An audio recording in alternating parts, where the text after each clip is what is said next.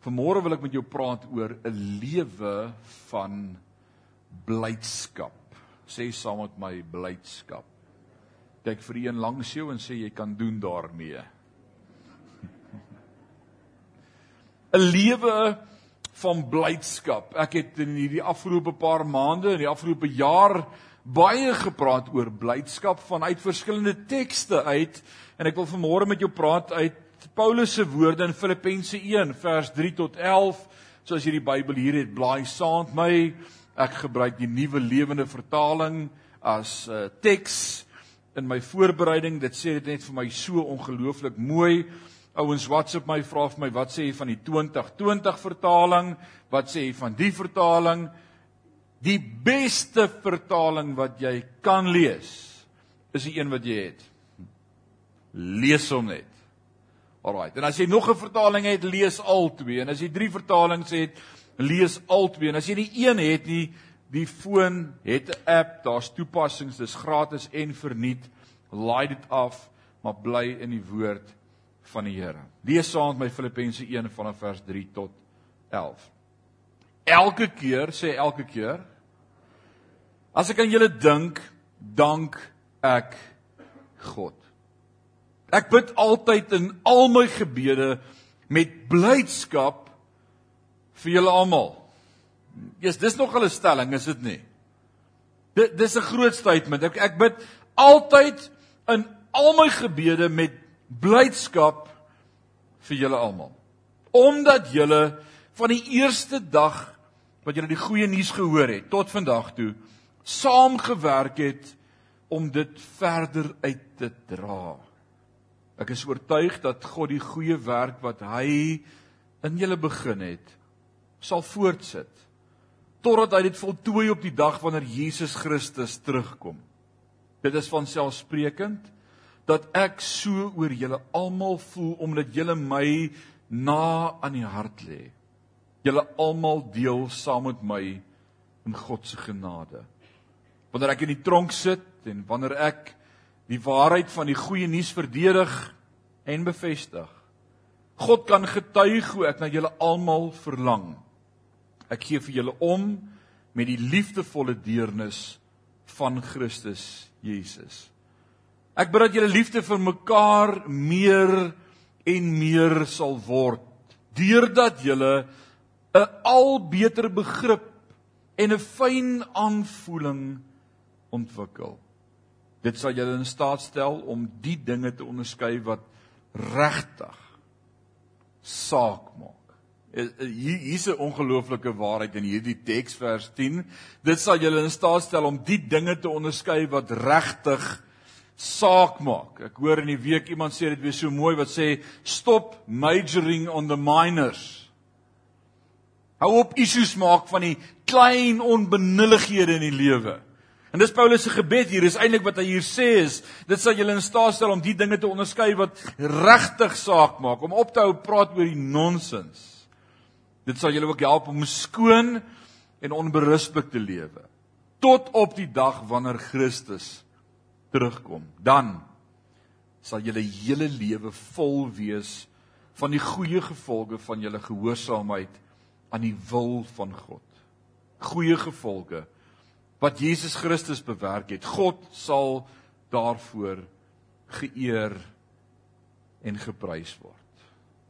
Dis 'n ongelooflike stuk teks hierdie. Hou in gedagte Paulus sit in die tronk in Rome in die gevangenis in boeye vasgevang En elke 4 ure ruil die wagte van die paleis, die koninklike wagte, dan bring hulle nuwe wagte om by hom te sit.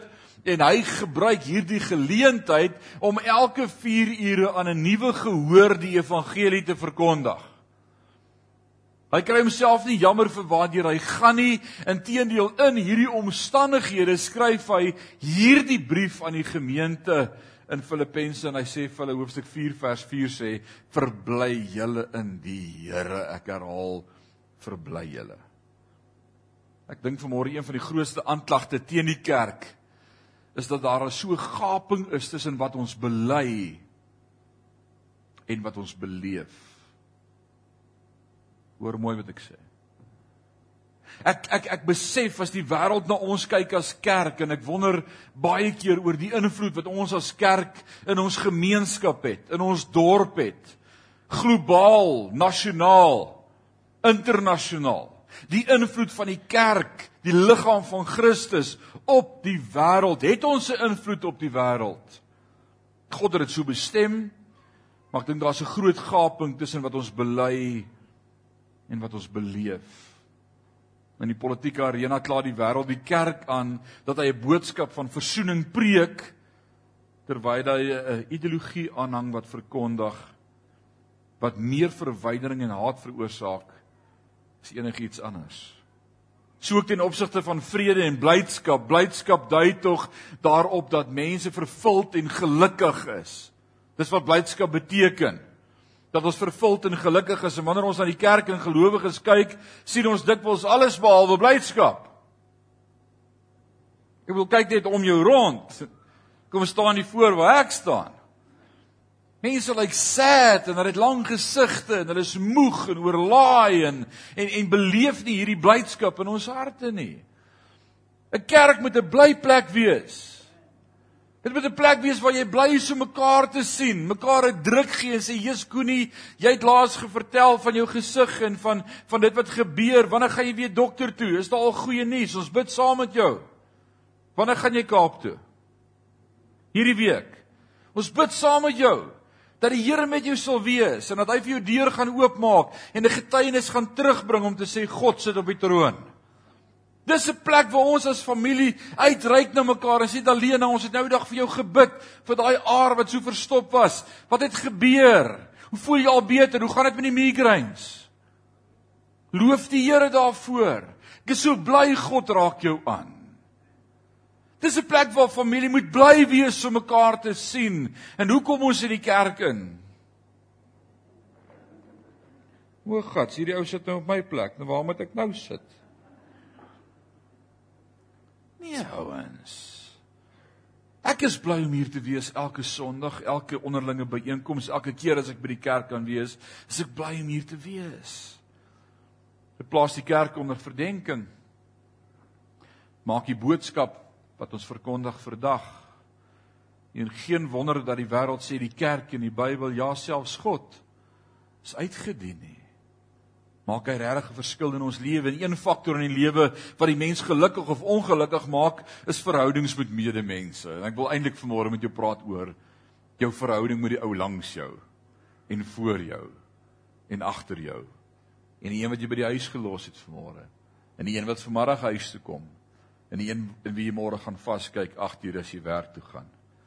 Een faktor in die lewe wat ons gelukkig of ongelukkig maak, die grootste faktor, bo water, bo potholes, bo ngwate, bo die ANC, bo selfs die EFF is verhoudings. Want as ek my TV afsit en my selfoon afsit en die kraan toedraai, het ek nog steeds mense in my lewe. En dis die beginpunt waaroor ek vanmôre wil praat in verhoudings, verhoudings, slegte verhoudings dat die lewe stink. En die meeste krisisse wat beleef word, die meeste emosies, die meeste depressie, die meeste berading wat gegee word by my elke liewe keer. Bottom line verhoudings. Dink gou daaroor in jou lewe. Wat is die ergste ding vir jou wat jy moes hanteer? Verhoudings. Dis waarmee ons battle en die sleutel tot 'n lewe van blydskap is om die mense in my lewe te geniet. Ek gaan vanmôre vir jou wys dat die keuse van blydskap nie soveel is die optrede van die ouens om my met my nie, maar hoe ek oor hulle voel. En dit leer ons uit hierdie teks uit vanmôre in Paulus se lewe. Dis maklik om vir almal om jou die skuld te gee vir hoekom jy so lyk. Iemand het nou die dag gesê, "Treat me right." And I'll be right. Be nice to me and I'll be nice. Ek hoor baie keer as iemand sê ek was fyn geweest tot dat ouens nonsens. Jy het die keuse en die besluit. En dit is opvallend dat Paulus in hierdie sentbrief van die Filippense hulle oproep om hulle te verbly Nie net alleenlik gee hy 'n opdrag nie, maar ook 'n voorskrif hoe om dit te doen. Ek wil vanmôre uit hierdie gedeelte uit uit hierdie paar verse vier sleutels tot die lewe van blydskap met jou deel. En die eerste een is wees dankbaar vir die goeie in mense. Dankie vir daai een amen. Wie het dit gesê? Dankie vir die goeie in ander mense. Jy geweet daar's goed in ander mense. Wie van julle sê daar's niks goeds in ander mense nie? Hierdie lewe is boos en almal is sleg. Jy gaan sukkel met depressie. Hoor wat sê vers 3. Elke keer as ek aan julle dink, dank ek God. Maar ons moet 'n oomblik hieroor dink vanmôre. Paulus sê as ek aan mense dink, hou ek daarvan om die goeie in hulle te onthou want dis waarvoor ek God dank. Met ander woorde, ek moet 'n keuse en 'n besluit maak as ek oor iemand dink, wat is daar wat ek die Here voor kan dank in hom? Want dis die goed wat my opgewonde maak. Ja, daar's baie wat ek vir die Here kan sê van hoe terrible hy is en hoe sleg hy is en waar hy nog moet werk en wat hy gesê het en wat nie lekker was nie, maar kom ons fokus eerder op die goeie in mekaar, op die werk wat God begin het. Dit gaan jou 'n lewe van blydskap veroorsaak. Dit gaan iets anders by jou teweegbring. Die vraag is wat onthou ons van mense? Dis nog 'n realistiese vraag. Die goeie of die slegte? Die probleme. Jy al opgelet hoe mense reageer om ons as jy na 'n persoon verwys, as ek in 'n geselskap sou sê, "Jesus jong, ons moet bietjie bid vir ou Koenie." Ou Koenie bid, dan sit soos is raai wat altyd so nors is. Vrou wat altyd voor in die kerk sit, daai wat so kort af is. Koenie, ek sê nie jy's nors of kort af nie. Glad nie. Maar dis ons koneksie aan mense. Kies ek is die Here so dankbaar vir ou Henning wat by ons gitaar speel. Wat een is dit? Is daai een wat altyd so vals drukke tussen inspeel? Daar's altyd 'n negatiewe koneksie aan mense wanneer jy oor hulle praat. Altyd. Dis ek is so bly vir ou Dion en Dalena, dit gaan soveel beter met haar. Wie's Dion? Is dit daai ou man? Dit is Maar Dion is 'n ou man. Na 80 mag jy maar so lyk. Like. Maar dis ons koneksie in die lewe teenoor mekaar. Is is die is die sleg. Is die negatiewe dinge, dalk die dinge wat selfs gebeur het in die verlede en wanneer ons Handelinge 16 bestudeer, vind ons dat Paulus 'n baie slegte tyd in Filippi gehad het. Die realiteit van wat hy in Filippi beleef het, gaan lees Handelinge 16. Dit was nie 'n nice tyd vir hom gewees nie. Maar die gemeente daar gestig en hulle bedien. En op hierdie tydstip was hy onskuldig in die gevangenis gewerp en het talle ontberings meegemaak. En hy kon seker toe hy die naam Filippi hoor sê, ag Here, net nie Filippi nie asseblief. Ek wil nooit weer Filippi in my lewe nie. Ek sklaar met Filippi. Filippi nie meer nie wil nie Filippi nie.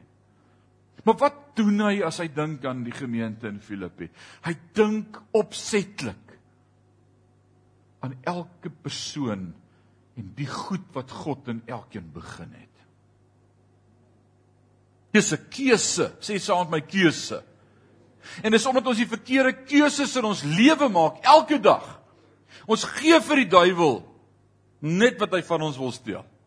Maak die keuse om te kies om na die goeie in mense te kyk en nie na die negatiewe te fokus nie. Hoor wat sê hy? Daar is net sê saam met my net. Wat beteken dit? Slegs alleenlik enigste tenwoordig. Net dankbaarheid en blydskap in my hart as ek aan julle dink. Het hy rede gehad om negatief te raak oor hierdie gemeente? Ja. Het hy rede gehad om dalk selfs nie eers vir hulle te bid nie? Ja. Maar hy sê kies en alleenlik dit wat ek onthou is die goed wat God in julle gedoen het en dit waarmee hy besig is en ek dank God dat julle besig is om te groei. Aangename herinneringe is 'n keuse, is 'n besluit. Dit sê nie dat mense nie negatiewe dinge doen of dat ek dit moet ontken nie, dat hulle foute het nie. Maar ek kies om te glo wat God glo. Ek hoor baie keer dames is geneig om vir mekaar te sê, "Ag, ek het so 'n goeie man, maar daai maar." Het jy al gehoor? Of as die manne bymekaar is en sê, "Ag, ek het 'n wonderlike vrou, maar hmm, nee ons." In vers 5 sê Paulus dat hulle dat hy hulle waardeer oor hulle lojaliteit teenoor hom. Hoeveel mense is daar wat lojaal is in jou lewe teenoor jou? Wat nog steeds te midde van jou nonsens en jou nikke en jou grille uithou met jou. Wat nog steeds vanaand vir jou sê nag, lekker slaap. Dis 'n voorreg. Ek hoop nie jy dink jy's 'n engel nie. Al noem jou vrou of jou man jou soms engel, wil ek vir jou sê nie een van ons is engele nie. Ons het almal issues. Kom ons fokus op die sterk in mekaar en nie op die swakpunte nie. Dis die eerste keuse vandag. Ons oefen om te dink oor die sterkpunte. Alraight. Die tweede ding, ek sien hy sal daar by punt 4. Die tweede ding, beoefen positiewe gebede. Nou hier's iets wat ek vir jou weer wil bless vanmôre wat so waar is in ons lewe. Om met blydskap te bid hou my aan die gang. Dankie vir daai een amen, ek vat hom. Is daar nog amens? Wie weet om met blydskap te bid hou jou aan die gang. Alraai. Baie mense bid hulle self in depressie in. Dink daaroor. Want die oomblik wanneer jy voor God gaan sit op jou knieë, dan begin jou versoeke en jou behoeftes en al die sleg in die mense waarvoor jy bid waarna hy moet werk en wat moet verander. En hoe terrible die is en hoe terrible daai is. Geen wonder jy so depressief as jy daar opstaan nie. Hou op om daarop te fokus. Jy kan nie vir 20 minute bid oor hoe swaar dit met jou gaan nie en dan verwag om op jou knieë op te staan en 'n oorwinningslied te sing nie. Jy sal nooit by oorwinning uitkom nie. Die les hieruit is dat die vinnigste manier om negatiewe verhoudings te verander is positiewe gebede. Positiewe gebede. Jy kan nie vir iemand bid dat die Here hulle moet seën en dan weer agterna as jy van jou knie opstaan van hulle skinder nie. Kan nie. Positiewe gebed het meer krag as positiewe denke. Positiewe gebede. En dan is dit belangrik dat ons spesifiek moet bid. Spesifieke gebede, spesifieke antwoorde. Here, bless Koenie. Raak hom aan. Wees met hom. Genees hom. Sit 'n smile op sy gesig. Spesifieke gebede. En daar's 4 dinge waarvoor ons moet bid vier dinge waarvoor ons moet bid. Die eerste een dat hulle liefde oorvloediger moet word. Paulus bid dit vir die gemeente. Ons kan dit vir mekaar bid. Here, ek bid dat Henning se liefde oorvloediger sal word. Die tweede een dat hulle wyse besluite sal maak. Dis dis 'n goeie gebed om vir iemand te bid. Here, ek wil bid vir Johan dat as hy besluite maak, dit goeie wyse besluite sal wees dat hulle die regte dinge sal doen. Dit is belangrik om dit te bid. Ek wil bid vir Christian dat hy die regte dinge sal doen, Here. Die vierde punt, dat hulle lewe tot heerlikheid van God sal wees. Vader, ek wil bid dat waar ook al Dion gaan, hy U sal verheerlik. Dis vier positiewe goed wat ek kan bid. Dink as ons elke dag vir ons kinders en ons ouers ons familielede en ons gemeentelede hierdie vier dinge bid vir elke mens aan wie jy dink. Wat sal gebeur? Ons gaan gelukkige mense wees. Gelukkige mense. Die derde punt. Ek sien ons het 1 2 4. Daar's punt 3. Hoe sê jy? Die vierde een. Ek het gesê die eerste een dat hulle liefde oorvloedig mag word, dat hulle wyse besluite neem, dat hy die regte dinge sal doen en die vierde een 'n lewe tot heerlikheid van God sal leef. God sal verheerlik in alles wat hulle doen. Die derde punt vir môre om hierdie vreugde en blydskap te beleef in verhoudings is wees geduldig met hulle groei en vooruitgang. Sê saam met my geduldig. Sê saam met my geduldig. Ons is so ongeduldig met hierdie vrou wat die Here my gegee het. En hierdie man wat die Here my gegee het. Broer, jy het daag gekies. Jy het hom gekies. En ons moet leer om met mekaar geduld te hê. Arie is dit waar? Geduld. Jy het baie meer geduld met die ou in die spieël as daai ou langs jou. Is dit nie so nie? Dis die derde punt in verhoudings wat belangrik is. Wat maak ons dikwels ongelukkig? Frustreer en maak ons ongeduldig. Daardie persoon wat al 'n geruime tyd die Here dien en skynbaar net nie vordering maak nie. Hoe lank, Here, gaan U nou nog voordat hierdie ou gaan regkom? Hoe lank nog? Ons bid dit baie. Kyk na die toekoms. Wat God begin het, sal hy klaarmaak. In steede om te bid, Here, hoe lank moet ek nog met my man uithou? Begin vir die Here te sê, dankie Here, dat U woord my leer dat U besig is met hom en dat hy iewers gaan aankom op 'n plek waar hy sonder gebrek gaan wees. Ek kan nie wag vir daai dag nie, Here. Maar dis meer positief as om vir die Here te vertel hoe sleg is die man wat hy jou gegee het. Is dit nie so nie? Dit gaan my mindset verander, my opinie, my manier van optree gaan dit verander. Wat God begin het, sal hy voltooi. Ten spyte van die hang-ups gaan hy dit maak. God is nie klaar met jou nie. Ek dink elkeen van ons moet 'n bordjie om ons nek dra wat sê onder konstruksie. Onder konstruksie. Party is besig om hulle grensgebied te verbreek. Maar God is besig met jou. Iemand het eenmal ergens gesê, I'm not what I ought to be. But thank God I'm not what I used to be. Ek is nog nie waar ek moet wees nie, maar God is besig met my en ek gaan daar kom. Wees met my asseblief bietjie geduldig. Kan ons bietjie geduld beoefen met mekaar in ons verhoudings? Dis sê Jesus, ek sou graag wou jy doen nie meer hierdie dinge nie, maar God is besig met jou. Sy woord sê hy wat die goeie werk in jou begin het, gaan dit klaarmaak. Ek kan nie wag dat dit gebeur nie. Dis positief. Kom ons wees dankbaar vir die verandering wat reeds plaasvind in mense se lewens. Wees geduldig met my, wees geduldig met mekaar. Ons groei.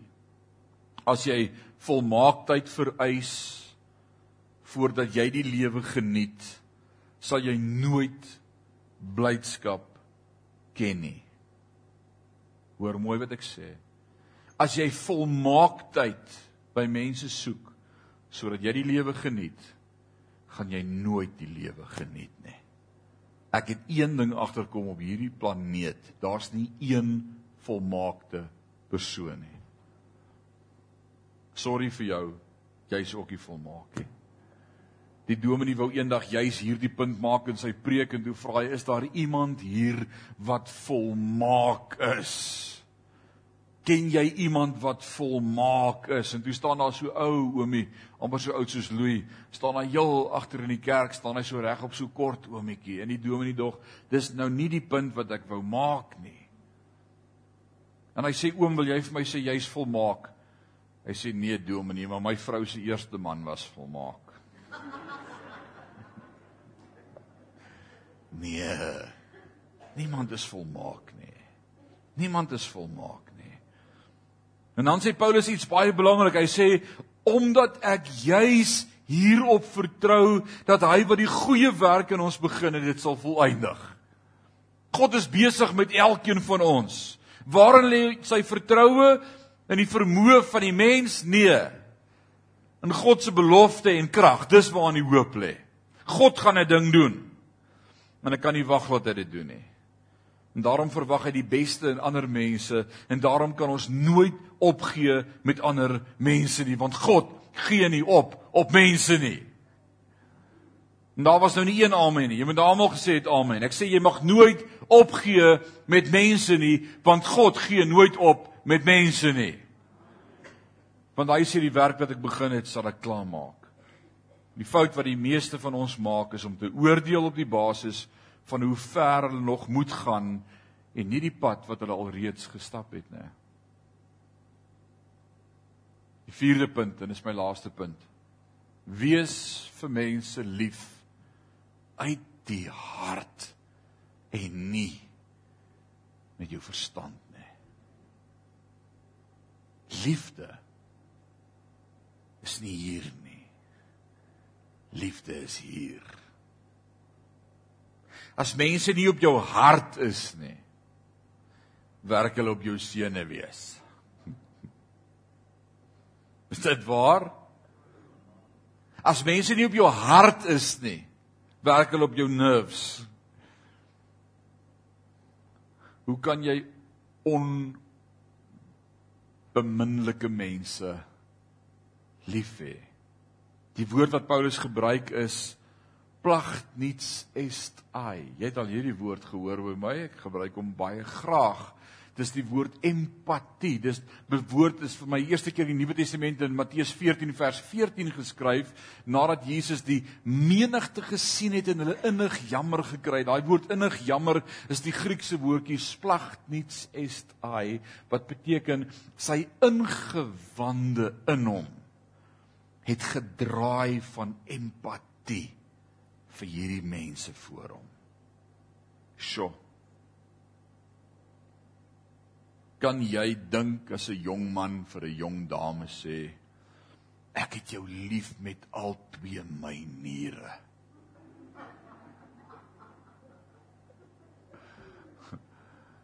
Al twee my longe. My lewer is mal oor jou sy ingewande as wese. Dis daardie empatie. Wees vir mense lief uit jou hart en nie met jou verstand nie. Luister, menslike liefde vervlou met die tyd en dit droog op. Wie weet dis die waarheid? Menslike liefde droog op. Jy gee en gee en daar's nie reaksie nie. En dan sê 'n persoon hm, ek het hom of haar nie meer lief nie. Ek hoor nou die dag iemand wat sê ek ek vra wat het fout gegaan? Hoekom kom julle op 'n punt waar julle uitmekaar dryf en selfs in die skei hof opeindig? En haar woorde was I fall out of love. Is dit moontlik om uit liefde te val? As dit 'n emosie was, ja, maar as dit 'n keuse is wat ek met my hart doen om jou onvoorwaardelik lief te hê, wil ek vanmôre die stelling maak, al doen jy wat? Ek het gekies om jou lief te hê. Nou is daar nie een amen nie. Maar dis die liefde wat Korintiërs 13 vir my leer, die liefde soek nie sy eie belang nie, hou nie boek van nie kwaad nie. Is nie ongeduldig nie. Raak nie moeg om lief te hê nie. So aanhoudende keuse. Aanhoudende keuse. Die enigste liefde wat hou is goddelike liefde. Romeine 5. Die lewe is te kort om nie die mense in jou lewe te geniet nie. Dis mag die Here ons vandag help. Mag jy opnuut mekaar geniet. Ek wil vandag vir jou 'n opdrag gee. Dis nie huiswerk nie, dis 'n opdrag. Ek doen dit min van hierdie kansel af. Maar ek wil vanmôre vir elkeen 'n opdrag gee. Jy moet vandag al die mense in jou lewe wat naby jou is, in die oë kyk, 'n oproep gee, 'n WhatsApp stuur en sê ek dank God vir jou in my lewe. Ek kies om lief te bly vir jou. As jy iets moois in iemand kan raak sien, sien dit raak vanmôre. Sê ek dank God vanmôre vir jou Dalena, vir jou vriendelikheid, vir jou glimlag, dat jy altyd daar is om ons te bemoedig en vir ons te bid. Jy's 'n steunpilaar. Ek dank God vir jou. Ek dank God vir jou Dion. Dat jy steady is, dat jy in die woord is, dat ek kan sien die Here leef in jou lewe. Man, ek dank God dat jy mooi na jou vrou kyk. Ek dink jy's 'n awesome man. Ek dank God vir En dan kyk jy in die ou se lewe en jy sê Here, wat is daar waarvoor ek eerder kan dankbaar wees as om te sê ek sukkel daarin met jou jong. Kom ons begin mekaar waardeer. En weet jy wat gaan gebeur wanneer ons die mooi in mekaar gaan begin raak sien en God gaan bedank dank daarvoor, dan gaan 'n glimlag op jou gesig kom.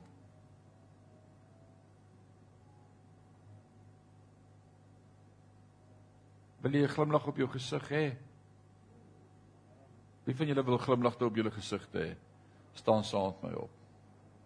Net die wat wil smile. Net die wat wil smile. Die wat deur die lewe wil gaan en sê ek is nou moeg vir 'n suur gesig. Ou Koos van der Merwe sing ek is 'n suurtuur maak is darm hier. Ja, ons ons gaan nie so deur die lewe nie. Sion moet 'n plek wees waar as die besoekers inkom en hulle sê ek weet nie wat in daai kerk aangaan nie, maar almal is vriendelik. Almal het smiles op hulle gesigte, almal is bly om mekaar te sien, almal druk mekaar. Wat gaan daar aan? Ek wil vanmôre verklaar ons as Sion gemeente is 'n familie. 'n Familie. Kyk mooi om jou rond. Jy's deel van 'n familie. En elkeen van julle is deel van hierdie familie. Hierdie familie wat God kunstig bymekaar gevoeg het. Kom ons bid saam. Vader, dankie vir u woord. Dankie dat ons vanmôre hieruit kan leer dat ons met mooi werk met mekaar. Dat ons vir mekaar wil intree en wil bid, maar ook die goeie in mekaar wil raak sien en ons wil vir U dankie sê vir dit wat U reeds met ons gedoen het en verander gedoen het. Maar ek wil ook dankie sê dat U wat die werk begin het, dit sal klaarmaak. U is 'n awesome God. En ek loof en ek eer U dat U met elkeen van ons besig is. Nie een van ons is volmaak nie. Dankie daarvoor dat U met ons werk. Ons wil kies om die goeie en die mooi in mekaar raak te sien en te geniet en te waardeer. Ek wil bid vir elke frons. Sit 'n glimlag op ons gesig, Here. Wanneer ons oor ander dink, dat dit nie by ons fronse sal bewerk nie, maar vreugde. Vreugde en opgewondenheid om te sê ek sien waarmee die Here besig is en ek is so dankbaar om te weet God werk met elkeen. Dankie dat Sion 'n plek gaan wees en gaan word in hierdie tyd te midde van ekonomie en te midde van politiek en te midde van wêreldgebeure waar die blydskap van die Here op ons gesigte sigbaar gaan wees. Want u woord sê die blydskap van die Here is my toevlug. En ons het dit so nodig om te beleef in hierdie tye. Ons eer U daarvoor. Word verheerlik in en deur ons. Dis ons gebed in Jesus naam en Sion sê Amen en amen.